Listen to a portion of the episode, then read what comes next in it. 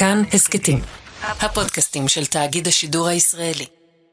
היי, אתם על ההסכת שאין לומר את שמו. אני שיר ראובן, ואני דור סהרמן, ואנחנו קוראים את כל ספרי הארי פוטר מההתחלה ועד שהתאגיד יפסיקו אותנו. והיום בספר הרביעי, פרקים 32, 33 ו-34, דם, בשר ועצם, אוכלי המוות ופריורי אינקנטטם. שוב המילה הקשה. פרקים שעשיתי את הטעות וקראתי בלילה. אה, וזה היה לא נעים, זה היה זה- הליכות מפחידות לשירותים. זה פרקים מאוד מאוד קשים, אני רק אציין שזה גם מעניין שאנחנו מקליטים את הפרק הזה בערב יום השואה. וואו, כמה הולם. אפילו לא חשבתי על זה. אז כן, ונתחיל בלקרוא קטע. הלוואי שזה טבע, חשב הארי. הלוואי שהכל ישתבש. ואז פתאום כבו כל הגיצים שבקעו מהיורה. במקומם עלה והיתמר גל סמיך של עדים לבנים, שמחקו כל מראה מעיניו של הארי, כך שלא הצליח יותר להבחין בזנב תולה או בסדריק או בכל דבר מלבד עננת העדים שבאוויר. זה השתבש, הוא חשב. הדבר הזה טבע, הלוואי, הלוואי שהוא מת. אבל אז, מבעד לערפל שלפניו, הוא הבחין בצללית הכהה של גבר גבוה ודק כשלד, העולה באיטיות מתוך היורה. רעד של אימה קרה חלף בגופו. כסה אותי, אמר הקול הגבוה והקר מתוך העדים, וזנב תולה, שעוד חיבק את זרועו הנכה בהתייפחות ובגניחות, מיהר להרים את הגלימה השחורה מהקרקע, קם על רגליו, הושיט את ידו האחת והלביש את הגלימה על ראש אדונו. הגבר הדק יצא מתוך היורה, ובהה בהארי. הארי בהה בחזרה בפנים שרדפו את סיוטיו זה שלוש שנים. לבן יותר מגולגולת, עם עיניים רחבות ובוערות בצבע השני, ואף שהיה פחוס כאפו של נחש, בעל חריצים במקום נחיריים, הלורד וולדמורט קם בשנית. איזה פחד. איזה פחד, איזה תיאור מבעית פשוט. אלה, אלה באמת פרקים שקראתי אותם ואמרתי כזה, בטח שהספר הרביעי הוא אפל, בטח שאסור לתת לילדים לקרוא את הספר הרביעי. אני לא מבינה איך קראתי אותו וחשבתי שזה סבבה. אני באמת לא מבינה איך כאילו הייתי בת 14, השארתי פה את כל כך הרבה במבה בין העמודים האלה, ופשוט הייתי בסדר עם זה. מה כן, הוא חזר, הוא בוהה בהארי, הכל טוב. כי דיברנו על זה, אבל את פשוט, כלומר, את וכולנו חשבנו כזה, טוב, זה ספר, זה לא אמיתי, זה הרפתקאות שלא קרו ולא יקרו, ואז אתה מבוגר ואתה מבין שזה כמובן הכל אה, מקביל לדברים שלגמרי קרו, קורים ויקרו במציאות שלנו, נכון. ולכן זה מפחיד. אז אני רוצה לעבור מכאן אה, באמת לכל הסיפור הזה של התחייה של וולדמורט, ומה שקורה פה שזה באמת מאוד מבעית ומאוד קשה, אבל מה שמאוד הפתיע אותי בקריאה פה, זה עד כמה התפיסה של וולדמורט, כשאני קורא אותה פתאום היא תפיסה ילדותית נורא, ואינפנטילית אפילו, בכל היחס שלו לחיים ומוות, כן? אה, הוא מדבר על עצמו כמי שהרחיק לכת יותר מכל נכון כדי להגיע אל אה, סודות העל מוות, ככה הוא אומר את זה פחות או יותר. ומאוד עניין אותי שהתפיסה של וולדמורט, אודות חיים ומוות, היא ממש התפיסה, אני חושב, של, של ילד, ולא של מבוגר. למה הכוונה? וולדמורט רואה את עצמו כמי שב-13 השנים האחרונות בעצם, כן, לא באמת היה חי, נכון? למה? כי לא היה לו גוף. כן. הוא היה כאילו מעין סוג של אה, תודעה, טפיל, צל. צל, מש, משהו באמת אה, ש, שאין ספק שאין אין לו קיום תלת-מימדי בעולם שלנו, כן? אה, והוא ראה את זה לא כחיים מלאים, וגם אנחנו כאילו אומרים, אוקיי, הוא לא באמת חי באופן מלא, נכון? כן. כלומר, זה גם מוצג לנו ככה, הנה עכשיו, הוא, הוא יש לו את הדם, בשר ועצם, כן? הוא קיבל את הנוכחות הזו, הגשמית, כן. נוכחות של גולם ממש. אבל אני חושב שבהקשר הזה, התפיסה של וולדמורט היא תפיסה ממש ילדותית על, על מה זה לחיות, שהרי כולנו אה, בני מוות. אה, המוות יגיע אלינו בשלב כזה או אחר בחיים שלנו, זה מבאס, זה אותי אגב, זה מפחיד מאוד. באמת? אין כמעט איזה שבוע שאני לא חושב. אותי מפחיד איזה- רק מוות של אה, היקרים לי. לא, גם זה מפחיד אותי כמובן. אין לי ילדים עדיין, ואני חושבת לפעמים, מה אם הילדים שלי ימותו? אין, אין אותם, הם לא קיימים עדיין. ברור, אני פוחד מאוד מהמוות של כל אדם שיקר. יש לי כבר תסריטים כמובן, אגב, בראש, באמת? למוות של כל אדם ואדם. אז אתה, אני כל כך פוחדת שאני לא מצליחה, אני לא מגיעה לשם בכלל. לא, אני לפעמים אפילו נסחף בתסריט הזה, וממש כאילו מתחיל להיות עצוב, עד שאני נזכר פשוט שלא, אתה פשוט נסחף פה בדבר. הנוראי הזה. ו... אבל גם על המוות של עצמי, אני כאילו חושב יום אחד איזה באסה שאפילו אם כאילו יהיו חיים מדהימים, בעיקר אם יהיו חיים מדהימים, זה ייגמר יום אחד, אבל אני גם, נראה לי שהרבה אנשים, כן, מבוגרים, איך אנחנו מתמודדים עם הידיעה הטרגית הזו. ההדחקה המתוקה. ש... אז, אז מעבר להדחקה המתוקה, כי בסוף אני חושב שאין לך ברירה אלא לעמוד לנוכח העובדה הזו, אה, אני מצאתי את התשובה הזו, שוולדמורט באופן מפתיע לא מצא אותה, אצל אה, מקיאוולי. דווקא. כן, מקיאוולי שנחשב לאחד מהוגי הדעות הציניקנים ביותר בפוליטיקה, כן, מייחסים לו שהוא אומר שצריך להיות, שליט צריך להיות ערמומי ולשקר וזה, אבל מקיאוולי גם אומר, מה המטרה שלך בתור שליט? לזכות בתהילת עולם, שזה מעבר לתהילה, כאילו, כי, כי הרי הקיום שלנו בעולם הזה הוא זמני, אבל אם תזכה לתהילת עולם, אם שמך ינסה לנצח נצחים, אז, אז באיזשהו מובן הגשמת את המטרה, כי, כי ימשיכו לזכור אותך. באמת זיכרון הוא סוג של... Uh, אה, חיים. Mm-hmm. נדבר על זה אולי גם בהמשך עם מה שקורה להארי, כן. והמפגש עם השרביטים. אה, זיכרון הוא סוג של חיים, הוא סוג של גם פתרון בעיניי. רואים את זה גם מאוד יפה אה, בסרט קוקו. ראית את הסרט קוקו? לא. סרט מדהים. מה זה פיקסאר? נשמע זה פיקסאר. זה פיקסאר, בוכים בסוף הרבה מאוד, אבל אחד המסרים המקסימים בסרט הזה, זה שהמוות האמיתי הוא לא כשהגוף שלך מת, אלא המוות האמיתי הוא כשמת אחרון האנשים שזכר אותך. וואו. ואז אתה באמת, כל קיום שלך אה, ביקום נמחק. Mm-hmm. וזו תפיסה שאני מאוד מאוד מסכים איתה, מאוד עמוקות. זה, זה ממש תפיסה פילוסופית ש, שמנחה אותי גם בעקרונות האישיים והמקצועיים של החיים שלי. ווולדמורט לא שותף לה. וולדמורט חושב שהחיים היחידים הם חיים גשמיים, ולכן הוא אובססיבי ללהשיג אותם. לכן גם הוא קרא את נשמתו, כמו שנגלה בהמשך הסדרה. לכן גם בעיניו הוא היה אך ורק צל בתקופה הזו. אה, הוא מאוד מזלזל, אני חושב, במשמעות של זיכרון. נכון. אה, הוא כבר היה יכול להיות, אגב, הוא היה יכול להיות, זיכר, להיות זכור בתור אחד הקוסמי האופל המפחידים והמאיימים ביותר. המפחיד ביותר. ואני כבר אמרתי כמה וכמה פעמים שבבחינה הזו אפילו אפשר להגיד, אפשר להגיד ניצח, כי כאילו, כן, כולם זוכרים כמה מפחיד היית, מה יותר מזה אתה רוצה? זה מעניין גם ב... בהקשר הזה, אם אנחנו מסתכלים על זיכרון, ואפשר לראות את עולם הקסמים, את עולם הקוסמים הטוב, במרכאות, כלעומתי לוולדמורט. ושם אפשר לראות, זאת גם שאלה בפני עצמה, אבל זה שהם בחרו להגיד זה שאין לנקוב בשמו, נכון. זה שאין לומר את שמו, כ- כנקמה אולטימטיבית, mm. בגלל שככה אי אפשר לזכור אותך, למרות שברגע שאתה אומר, אסור להגיד את השם שלו, אתה באיזשהו אופן זוכר אותו נכון. הרבה יותר מאשר להפוך את זה ליומיומי. אבל רציתי להתחבר לדבר שאמרת, מזווית טיפה אחרת, וולדמורט מספר שהוא היה מת חי 13 שנה, שזה מעבר לקיום הפיזי, שאנחנו לא בדיוק מבינים מה ואיך הוא היה, כי רולינג שומרת פה על עמימות, בכוונה גם. נכון. העמימות משרתת את האימה. כשאתה רואה חדר אה, מלא בערפל עם צל צועד מתוכו, זה הרבה יותר מפחיד מאשר אם היית רואה את הבן אדם המפלצתי ביותר אה, אי פעם. אה, אז הוא סוג של, אני מדמיינת אותו כמו תינוק זקן, כן, ככה הוא מתואר, זה מתואר מגעיל גם. הוא מתואר דוחה, ואנחנו לא מבינים מה הוא היה, אז יש את הקיום הזה. אבל מעניין את השאלה, זה כאילו הקיום שהיא הייתה צריכה כן לתאר אותו כדי להסביר מה נכנס לתוך היורה. אני חושבת על הפתרונות הספרותיים שהיא נקטה כן. בהם.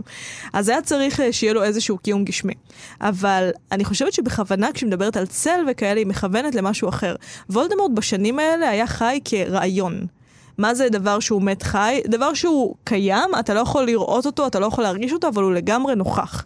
אה, וזה באמת מתחבר למחשבה שאם השארת משהו שחי אחריך, אפשר לקרוא לזה זיכרון, אבל וולדמורט הוא יותר חמור מזיכרון. מורשת. בדיוק. כי המורשת של וולדמורט היא מורשת שעולם הקסמים לא הפסיק לפחד ממנה ב- בשום שלב. כלומר, הנוכחות של וולדמורט בטקסט, בספרים האלה, עכשיו ברור ש... תהיה התעסקות בוולדמורט בספרים האלה, כי זה הספר. אבל אתה גם קורא את זה בשולי הדברים. אתה גם קורא את זה אה, בשיחות חולין בין אה, תלמידים בהוגוורטס. אתה קורא את זה בהגריד שמדבר, אה, זה כל, זה, הוא נוכח כל הזמן, יש לו, הנוכחות שלו קיימת. וזה בגלל שהוא חי כרעיון. הוא חי כרעיון בצד של הטובים בצורת פחד, והוא חי כרעיון בצד של הרעים בצורת אה, לוציוס מאלפוי שמנסה לעלות אותו לשלטון. כלומר, זה סוג של נגע שהוא לא בדיוק הבריא לגמרי מהחברה. החברה. ואני חושבת שבהתחבר לדבר היפה שאמרת על זיכרון, שמה שהחזיק את וולדמורט בחיים זה באמת הזיכרון שלו כרעיון. עכשיו, גם במובן הפילוסופי של זה, שאתה יכול להגיד, אוקיי, הוא עדיין חי כי יש אנשים שזוכרים אותו, אבל גם במובן הגשמי של זה. בגלל שאם וולדמורט לא היה חי כרעיון, זנב תולה לא היה יוצא לחפש אותו. נכון. הוא לא היה נשאר לו בראש. ובוודאי שברטה ג'ורקינס לא הייתה מספרת על התומך הנאמן ביותר שלו, שנשאר בהוגוורטס. אה, כלומר, זה מה שהשאיר אותו בחיים, בסופו של דבר. תשימי לב, משהו מאוד מעניין בהתנהלות של אה, אה, וולדמורט ואוכלי המוות, שמאוד מהמם. עניין אותי. אה, א', הפרקים האלה נפתחים באופן ממש מהיר ואכזרי ברצח של סדריק. כן. נכון? הרוג הרוג את. המיותר, איזה ד- משפט מחריד אגב. אה, מאוד לא אישי המוות הזה. זה מוות תודעת שירות אין לוולדמורט. מוות מהיר מאוד נטול רגשות, כלומר הוא לא זועם על סדריק, הוא פשוט לא. חסר כל משמעות בתוכנית שלו. והתיאור הזה גם של המוות המהיר, וכמעט החסר, כלומר זה מחריד כמה הוא חסר משמעות עבור וולדמורט, מאוד מנוגד כמובן לכל ההתעללות הארוכה. שהוא עומד להעביר את הארי בהקשר הזה, והארי עובר פה התעללות באמת נוראית. מחרידה ונוראית.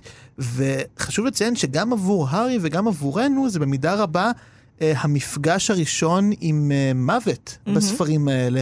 זה נכון שהספר הזה גם מתחיל ברצח של פרנק הגנן, אבל קשה להגיד שאנחנו מושקעים רגשית בפרנק כמו שאנחנו מושקעים ב...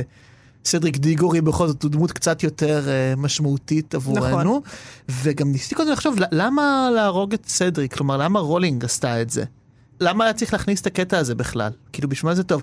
אז כמובן כדי להדגים את הרשע הזה של וולדמורט שהוא כמעט אקראי, כן, בכמה שלא אכפת לו להרוג אנשים, אבל אני חושב שזה גם לסמן את סדריק, כלומר אה, סדריק הוא, אמרנו את זה, הוא האפל פאף. האפל פאף מאופיינים בכזה תום וטוב לב ונדיבות שאפילו הבתים האחרים לועגים להם הרבה mm-hmm. פעמים, כן? זה כאילו הבית שתמיד פחות מחשיבים. אה, וסדריק, צריך להגיד, הוא הופך פה למרטיר. הרבה פעמים כשמנתחים את הספרים האלה מדברים על הארי בתור כן סוג של ישו נכון שזה אבל uh, הרבה לפניו uh, סדריק הוא הקדוש וסדריק הוא ממש קדוש גם mm-hmm. בדמות שלו כן. בספרים האלה הוא קדוש שהרעים uh, רוצחים הוא ממש סוג של ממש כמו ראשוני הנוצרים סוג סיפורי מרטירים כאלה mm-hmm. ו- ויש פה איזשהו סימון לדעתי כן באמת uh, של נגד מי הרשע יוצא קודם כל. עוד לפני שהדבר הזה, הרוע הזה יהרוג אה, אנשים כמו הארי פוטר שמסומנים באומץ לב, הוא יהרוג, כן, את כל מה שמסומן כ- כפשוט טוב, כסוג של דובון אכפת לי. כן, ואני חושב, המוות של סדריק נועד פה פשוט כדי לסמן בצורה ממש טובה ומדויקת, אני חושב, את הרוע של וולדמורט. מעניין. כן. כשקראתי את הפרקים האלה, קודם כל אני רוצה לספר על החוויה שלי, הייתה, לא, לא יכולתי להפסיק, וגם כן. נספר למאזיננו שגם אני וגם אתה קראנו אותם הרבה לפני ההקלטה. נכון. ובדרך כלל זה לא קורה. אנחנו בדרך כלל קוראים די בסמוך, אבל נכון. אתה אמרת לי שקראת, ואז אני הייתי כזה, טוב, אז אני אקרא, ולא יכולתי להפסיק. אלה פשוט פרקים, שהם, כי זה באמת סרט אימה. אה, עכשיו, מתי שקראתי אותם, אני באמת נורא נורא פחדתי. אלה פרקים מאוד מאוד מפחידים. ואז כאילו, מתי שכתבתי את זה, כתבתי, אה, כשכתבתי את הנקודות, כתבתי, אוקיי, פחד, אימה, אלה המילים שצפו לי, ואז הבנתי שיש מילה אחרת שמתארת את זה בצורה טיפה יותר אה, טובה, והמילה הזאת היא מילה שלא כל כך משתמשים בה בעברית, היא מילה מתורגמת אה, מגרמנית. שפרויד טבע, הוא לא טבע את המילה, אבל הוא, הוא כן, אה, זה הספר שהוא זה שפיתח אותה, שהגדיר אותה, בלה בלה בלה, והמילה הזאת היא העל-ביתי, לפעמים גם קוראים לזה המאוים, אבל זה פערים של תרגומים. והמושג הזה מתייחס לז'אנר מאוד מאוד מאוד ספציפי של אימה, בעיניי האימה המפחידה ביותר, אה, שאם הוא מתאר אותה בכל מיני דרכים בספר, אבל בגדול, הרעיון הוא אימה של משהו שאתה מכיר, שהדחקת, ואז שחזר. שיבת המודחק הזה. עכשיו, זה בדיוק מה שקורה להארי כאן, ופרויד מביא שלוש דוגמאות לסוג הספציפי הזה של האימה. הוא מדבר קודם כל על אימה של משהו שהדחקת וחזר. צ'ק, ג'יי קיי רולינג. וולדמורט והארי פוטר נפגשו כבר. וולדמורט כבר בהה בעיניו של הארי כשהוא היה תינוק, הוא כבר ניסה להרוג אותו. הארי כמובן, הוא היה ילד, הוא לא זכר את זה, ופתאום הדבר הזה צף באימה. והצלקת היא באמת הזיכרון, כאילו היא הסימון הפוסט-טראומטי לדבר הזה. הצלקת היא סוג של הנפש הפצועה של הארי, אפשר לומר, או הפצע בנפש שלו. אז זה דבר ראשון, וזה מאוד מאוד מפחיד. דוגמה הבאה, הוא מדבר על הפחד של האדם הנוירוטי, מזה שלמחשבות שלו יש אה, כוח אינסופי. שזה מתקשר הרבה פעמים ל-OCD ולטקסים, כי הרי מה, הרי אדם עם OCD יודע שאין לטקסים שלו שום משמעות, אבל עדיין מחויב לעשות אותם. ופרויד קרא לזה הכוח הלא מוגבל של המחשבות. הארי לא מפסיק לחלום על וולדמורט. וולדמורט מופיע בחלומות שלו, שוב ושוב ושוב ושוב, הוא ראה כבר את זנב תולה, הוא אפילו ראה את הבית קברות הזה בחלומות שלו. הוא היה שם. ופתאום הדבר הזה חוזר, וזו מציאות. ואפילו אם הארי לא זוכר את החלומות האלה במאה אחוז, הוא זוכר את זנב תולה, הוא זוכר את הדינמיקה בינו לבין וולדמורט, הוא ראה אותם הורגים מישהו בעבר, והנה זה חוזר וזה במציאות. שזה בכלל אימה. חושב שיש לך חלום חוזר מפחיד, ואז יום אחד אתה מגיע אליו. אתה פשוט מגיע אליו, והפחד הכי גדול שלך מתממש. זה מחריד. זה מחריד. והאספקט השלישי שהוא מדבר עליו, זה זה שהרבה פעמים אה, במציאות בדיונית, משהו שהוא פנטזיה, יכול להיות כיפי. בספרות או בפנטזיה, דברים שהם כיפים אה, במקומות האלה או מרגשים, ברגע שזה קורה במציאות, אתה מגיע לאימה. ואני מחזירה אותנו לתחילת הספר, מתי שהארי מדמיין שהוא אוחז בגביע נכון. האש והוא מנצח את כולם. זה מתממש. הארי כאן הוא גיבור, וגם דמבלדור אומר לו את זה אחר כך, הוא אומר לו, אתה הפגנת אומץ לב בשיעור שלא הייתי יכול לצפות ממך בכלל. אה, והוא משיג את גביע האש. הוא מחזיר את הגופה של סדריק, הוא מנצח, הוא לא מנצח את וולדמורט, אבל הוא, מנצח, הוא, הוא חומק אני ממוות. אסביר אחר כך איך, אני, איך הוא מנצח את וולדמורט. כן, כן, אני מסכימה איתך על הניצחון, אבל בוא נגיד, הניצ... הוא לא ניצח אותו, אנחנו לא בספר כן, השביעי כן, עדיין. ממש לא. וזה נוראי. כן, זה הכי. מפחיד שיש. Uh, ואני חושבת ששלושת האלמנטים האלה ביחד, אני, זה כל כך, היה לי ברור בספר ששאלתי את עצמי אם ג'יי קיי רולינג עשתה את זה בכוונה, וסימנה את המוטיבים האלה בכוונה. בגלל שזאת האימה הכי מזוקקת שאפשר לחוות, מה שהארי חווה פה.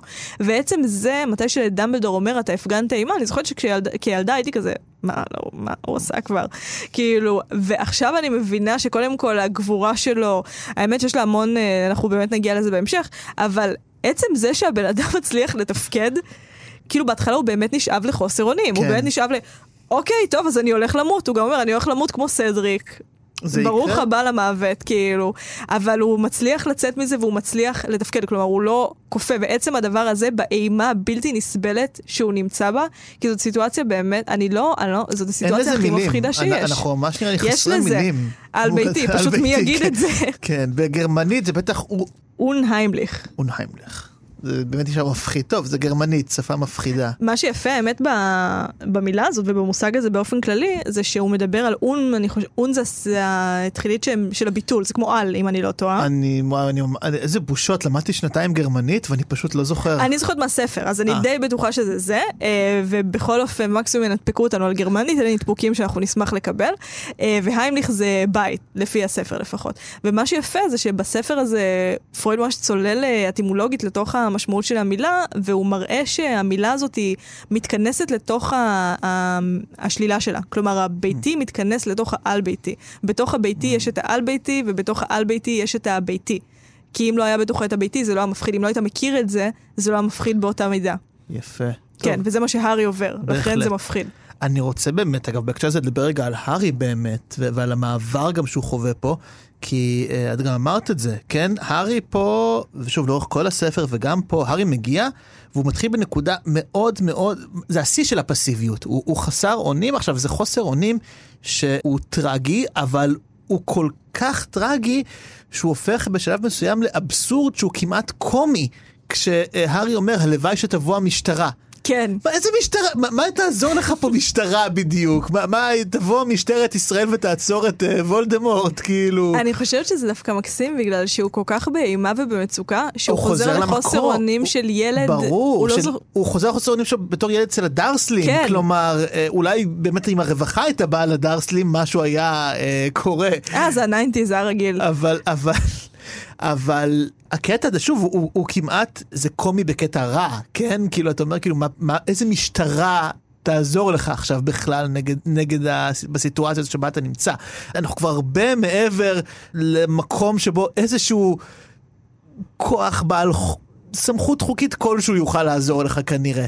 אבל האבסורד הזה בא נראה לי בעצם מנקודת הקיצון של הארי באמת בתור קורבן חסר אונים.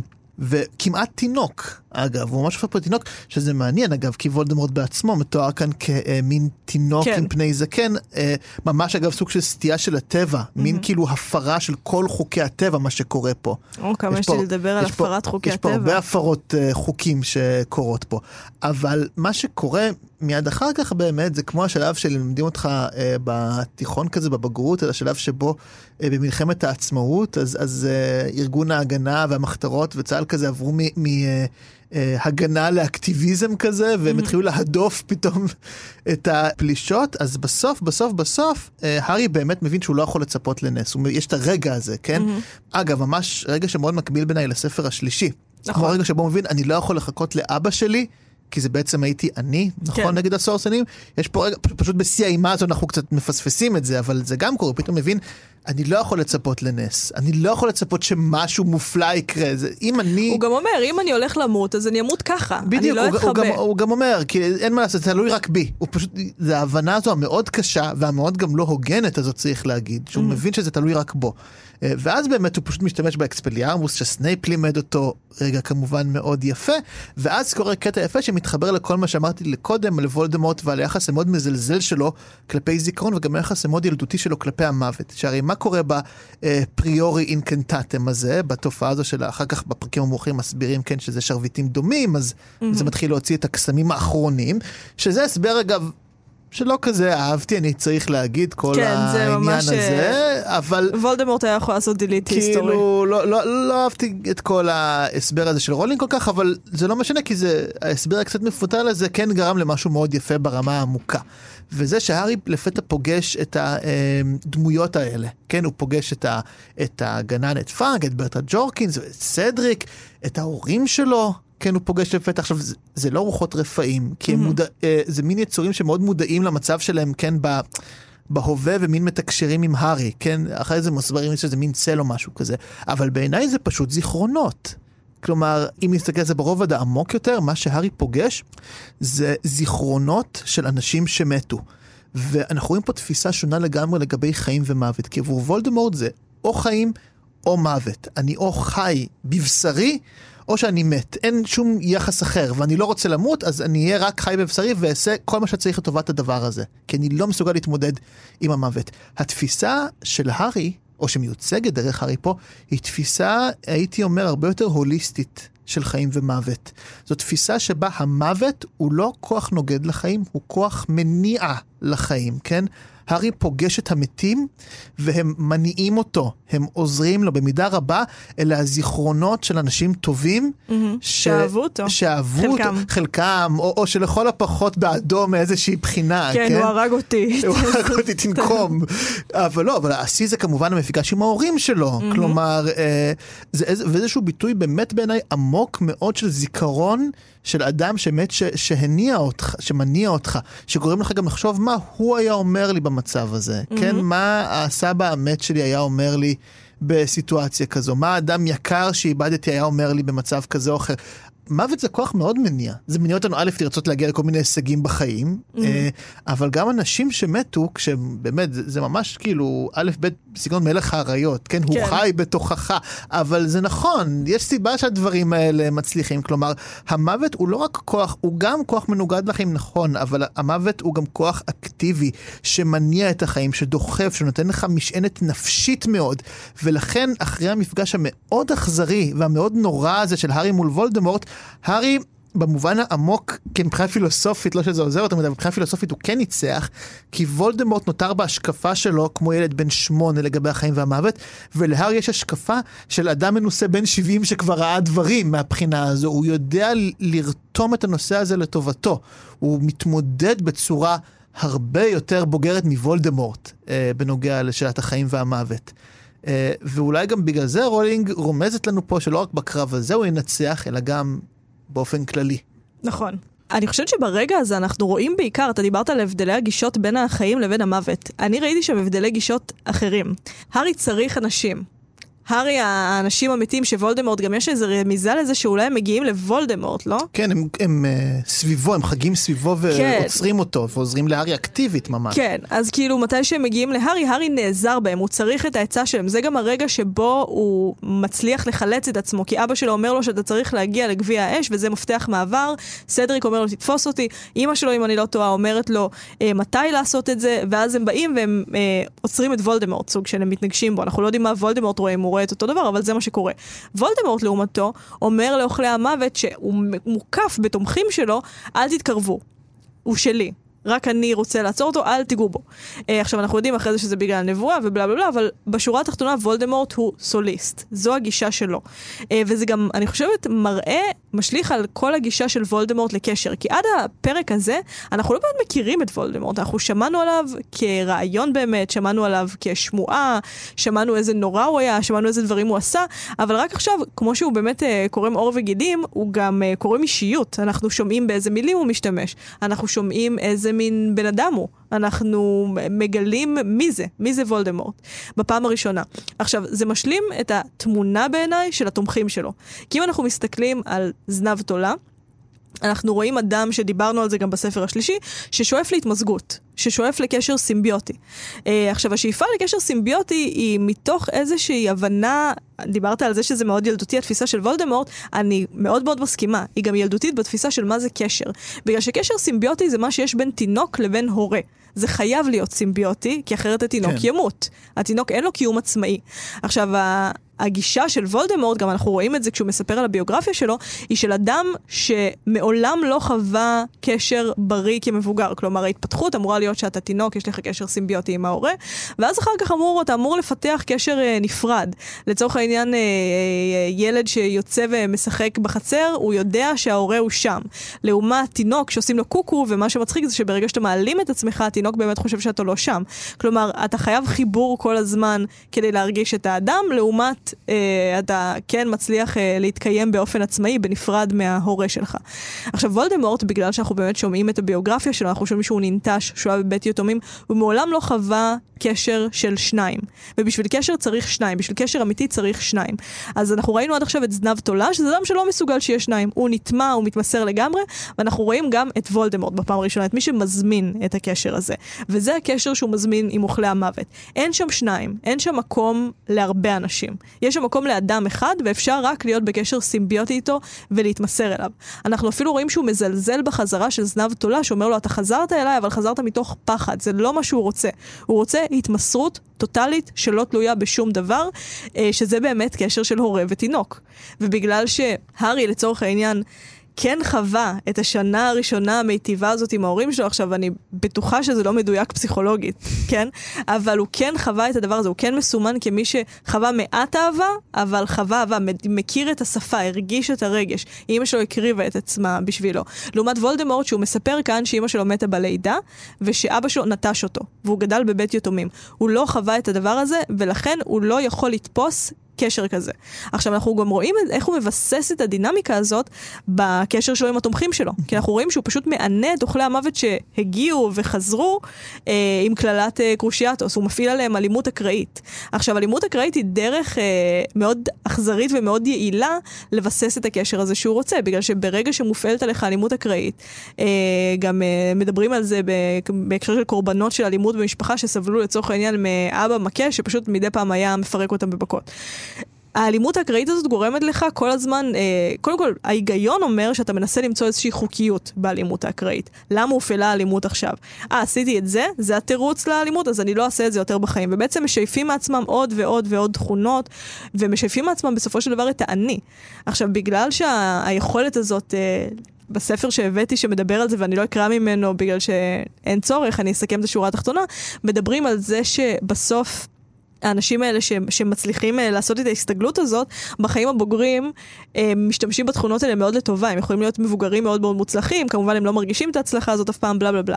אבל עם אוכלי המוות, השיוף הזה בסופו של דבר אמור להביא אותם לנקודה של התמסרות מוחלטת לוולדמורט.